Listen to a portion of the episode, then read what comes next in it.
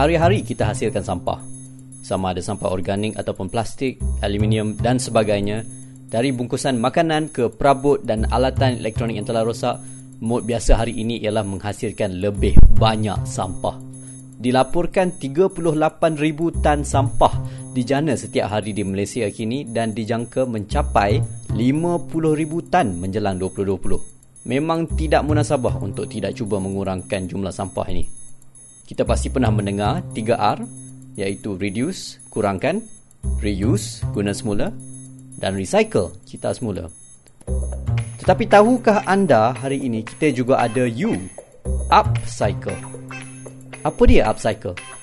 Ha, kita akan tengok dalam podcast gelombang pertama untuk tahun 2016 ini. Dalam podcast kali ini kita bersama dengan Azam Hisham dari BGBG Initiative yang giat memperjuangkan dan menjalankan perniagaan keusahawanan sosial berasaskan upcycling. Azam ditemu ramah oleh rakan gelombang Asyari Rahman. Biji-biji nisib adalah satu saya suka interpretasikan biji-biji sebagai sebuah pemboleh uh, sebuah enabler uh, di mana kami melengkapkan orang-orang yang mempunyai idea-idea yang mungkin jauh daripada pelaksanaan. Jadi kami cuba lengkapkan mereka dengan peralatan dan kemudian um, orang untuk bekerjasama.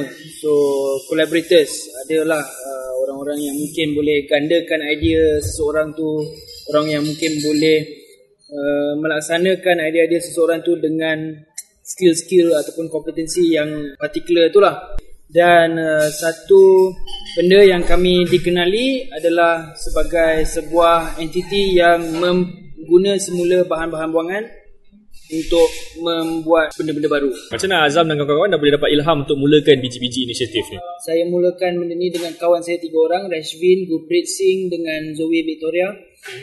Uh, dan Rashvin dengan Guprit ni kawan-kawan saya daripada college A-levels. Uh, so daripada A-levels lagi memang kita orang banyak borak pasal benda-benda yang boleh dilakukan lah. Benda-benda yang boleh diperbaiki dalam uh, persekitaran kita orang. Dialog tu memang bermula daripada college lagi apa yang boleh kita lakukan untuk perbaiki keadaan apa yang boleh kita lakukan untuk mempengaruh 30 tahun akan datang lepas belajar tu kita orang kerja masing-masing lah so happily kita orang jadi housemates dengan itu dialog tu berterusan lah biji-biji bermula dengan kesedaran kekurangan. Saya ingat lagi saya balik daripada Sarawak sampai ke Kuala Lumpur dan seperti kita tahu Sarawak memang keadaan ekologi di Sarawak sangat terugut. Saya ingat saya balik ke Kuala Lumpur, saya cerita dengan Rashwin. Sustainability tu sebuah idea middle class. Orang-orang kampung, orang-orang luar bandar semua tak tahu apa maksud sustainability. Walaupun mereka mungkin lebih uh, organic ataupun lebih um, sustainability in practice, tapi bila sampai ke konteks urban tu bila dah masuk ke PPR apa semua tu memang semua orang tak peduli dengan recycling tak peduli dengan you know, apa-apalah you know, dengan alam sekitar. Kataan bahasa Melayu sustainable pun kelestarian. Kelestarian, kelestarian dan kemampanan. Kemampanan. Kan? Tapi ya, itu pun tapi itu, tak digunakan selalu. Dan memang tak dia bukan sesuatu yang am. Bukan. Kita macam janggal cakap hmm. kemampanan, janggal cakap lestari. Bila kita borak pasal lestari pun kita fikir macam apa nasi kandar ke? Orang tak sedar betapa pentingnya penjagaan alam sekitar betapa pentingnya menjaga alam sekitar dalam kapasiti sendiri. Kita orang nak cuba buat sesuatu lah. Kita orang set out untuk buat benda yang memang pada asalnya untuk meningkatkan kesedaran alam sekitar. So sebab tu nama dia biji-biji. Biji-biji tu untuk melambangkan um, biji benih. So kononnya kita orang nak cuba semai kesedaran baru, nak cuba semai idea-idea orang yang mungkin akan jadi benda-benda yang baik untuk alam sekitar. Nak jadi pemboleh untuk membesarkan sebuah idea Sebenarnya upcycling ni bukanlah trend hipster yang baru muncul. Upcycling atau mengguna semula barang buangan secara kreatif mula digiatkan di Jerman sejak awal 1990-an dan hari ini telah tersebar ke seluruh dunia. Barang-barang yang telah di-upcycle juga disambut baik oleh masyarakat. Di UK sahaja dianggarkan pasaran barangan upcycle hari ini di antara 5% ke 40% industri kraftangan negara tersebut Tadi Azam ada mention pasal upcycling ni. Boleh hmm. boleh cerita sikit tak apa maksud upcycle ni? Upcycle ni satu benda yang kita orang pelajari selepas kita orang dah start, start ni. Kita orang mula kecil. Kita orang ada terjumpa satu grant ni, ada pertandingan. Dan pertandingan ni kalau menang dapat grant RM30,000. Kita menang. Tapi waktu kita orang register untuk uh, pertandingan tu memang kita orang sedar lah RM30,000 mana nak bawa hotel. So aku cakap dekat uh, partner aku Resh. Aku cakap dia jom kita buat benda yang kecil dululah. Jangan lupa kita tak payah lupakan idea kita untuk bawa hotel tapi kita mula apa yang kita boleh mula. Kita buat perabot untuk hotel dulu. Kita pakai barang-barang sampah. Sebab barang-barang sampah ada sekeliling mana-mana. Waktu tu kita tak tahu apa benda upcycling. Tapi kita orang cuma tergerak untuk menghasilkan barang-barang. So kita orang nak cuba buat meja, nak cuba buat pra, uh, rak buku, nak cuba buat apa-apalah, kursi dan sampah. Nampaknya bahan satu memang obviously sustainable sebab kita sambungkan kitarannya dan kedua benda tu accessible. Tak payah nak pergi beli, tak payah nak order things like this lah. Cuma kena ada usaha sikit, cuma kena ada apply creativity. Dan upcycling ni berbeza daripada recycling sebab recycling adalah katakanlah botol uh, kaca ni kan botol kaca ni kalau dibuang orang akan kutip dia akan bayar awak untuk botol plastik ni eh botol kaca ni. Lepas tu dia akan pergi jual ke tempat lain. Ataupun dia akan kutip dia tak akan bayar dia akan pergi jual ke tempat lain dia akan collect duit. Orang yang collect duit tu akan uh, adalah dia punya logistik punya plan. Akan bawa ke kapal mana-mana ke bawa ke Port Klang. Daripada Port Klang hantar ke India ke mana-mana factory yang akan cerna semula botol kaca ni untuk dijadikan kaca semula. Dan tahu-tahu mungkin dia akan jadi botol semula. Bukan nak kata uh, buruk pasal recycling. Tapi recycling satu proses yang menggunakan banyak tenaga juga. Upcycling ni pula, botol kaca ni dijadikan sebagai digunakan dalam uh, uh, dalam uh, bentuk asal dia. Bentuk asal dia dan digunakan sebagai benda lain. Kita tak repurpose dia jadi botol kaca kita tak repurpose dia jadi kaca semula. Kita mungkin letak mentol kat dalam ni dan jadikan dia lampu. Ataupun kita uh, potong kat atas untuk dijadikan cawan.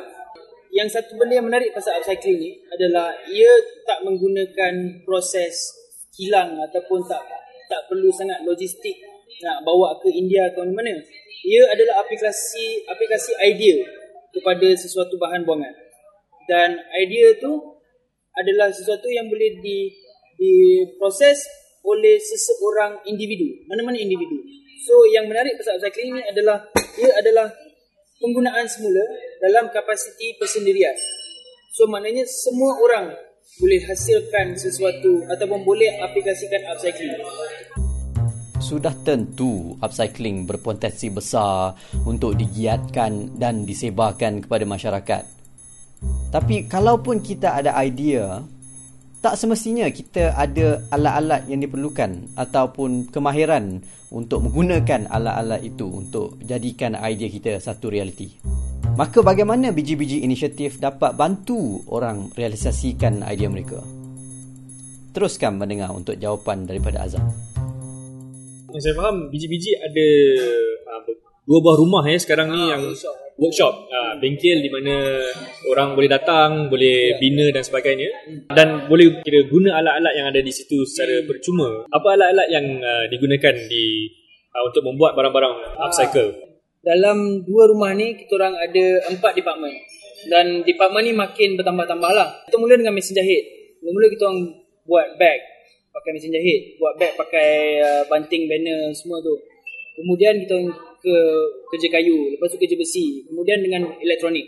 So dalam dua rumah ni, satu rumah tu ada mesin jahit, ada empat mesin jahit dan ada satu department elektronik. So uh, electronic lab lah. So dekat situ dan lagi satu rumah ada mesin-mesin kayu dan mesin-mesin besi. So mesin welding, mesin potong kayu, mesin nak bengkok besi pun ada. Dan dua-dua buah rumah ni adalah untuk orang awam ataupun sukarelawan ataupun student ataupun uh, pakcik mana-mana datang dan hasilkan sesebuah idea mereka. So katakanlah kalau nampak sesuatu kat internet awak tertarik sangat dengan design tu tapi awak tak tahu nak buat welding, awak tak ada welding machine, awak tak tahu nak potong kayu, awak tak ada mesin potong kayu, awak tak tahu nak buat lampu dia, tak tahu nak buat dia punya elektronik dia. Awak boleh datang ke tempat kita orang dan boleh kerja dengan orang-orang yang ada pengalaman dalam uh, buat kerja besi, buat kerja kayu, buat kerja elektronik dan awak boleh pakai peralatan kita orang untuk hasilkan produk tu. Ini bisnes model kita orang lah. Bila orang datang dan hasilkan uh, produk-produk ni semua, kita orang punya produk tu makin bertambah, bertambah, bertambah, bertambah. It's open source. Ini adalah user generated lah. Katakanlah awak datang, awak ada idea untuk produk, awak pakai mesin kita orang semua dan produk awak tu berhasil. Awak berjaya hasilkan produk awak tu.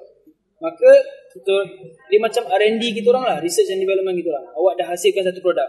Dengan produk tu kita orang boleh approach client. Kata, tengok, eh, ni ada satu produk yang cun gila. Kau nak beli? Memang betul konsep upcycling siapa-siapa pun boleh buat termasuklah individu.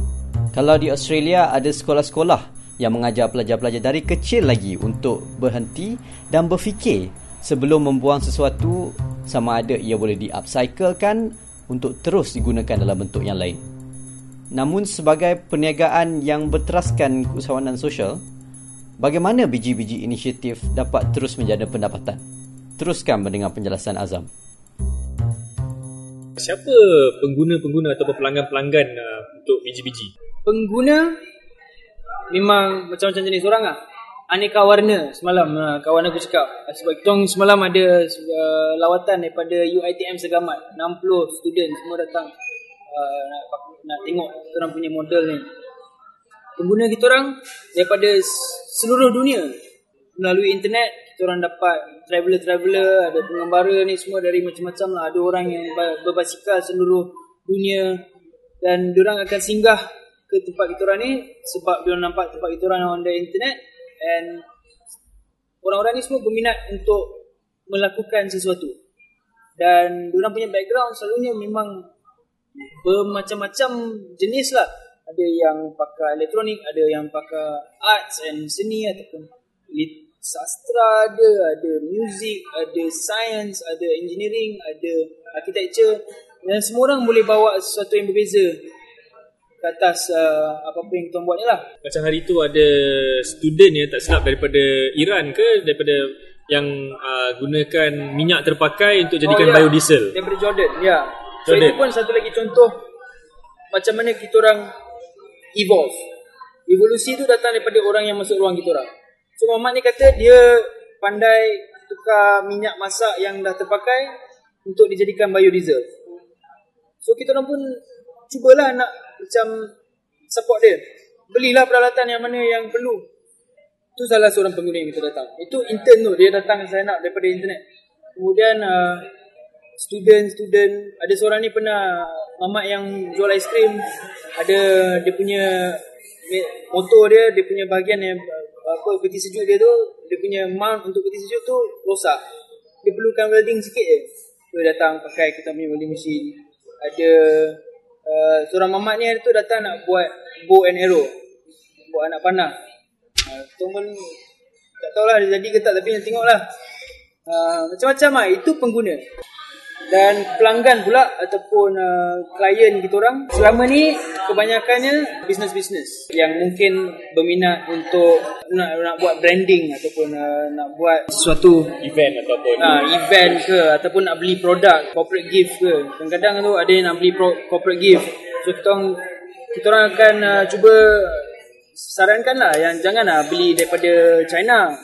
Sebab itu akan cuma you know, menghasilkan benda dalam uh, jumlah besar dan murah. Tapi ada makna dan malah lebih teruk lagi untuk alam sekitar. So kita akan cadangkan apa kata kau beli daripada kita orang.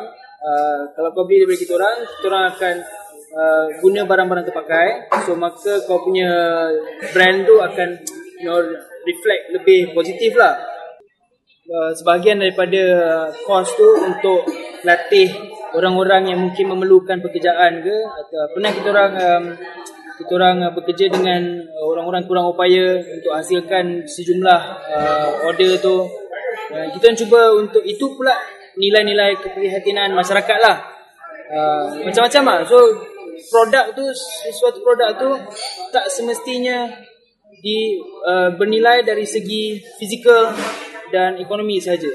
Ia boleh juga bernilai dari segi kemasyarakatan dan alam sekitar. Dan kebanyakan pelanggan-pelanggan, klien-klien semua berminat untuk uh, membayar untuk benda-benda macam ni. Ya, itulah sedikit sebanyak tentang upcycling yang boleh kita pelajari hari ini. Jadi macam mana? Anda rasa upcycling ni sesuatu yang akan terus berkembang ataupun akan hilang seperti trend-trend lain? Anyway, kalau nak tahu lagi sama ada tentang upcycling atau tentang biji-biji inisiatif, bolehlah lihat laman web kami di gelombang.wordpress.com dan baca link-link yang disediakan. Jangan lupa langgan kami dengan menekan butang-butang yang sepatutnya di bawah ini. Sehingga lain kali, Assalamualaikum.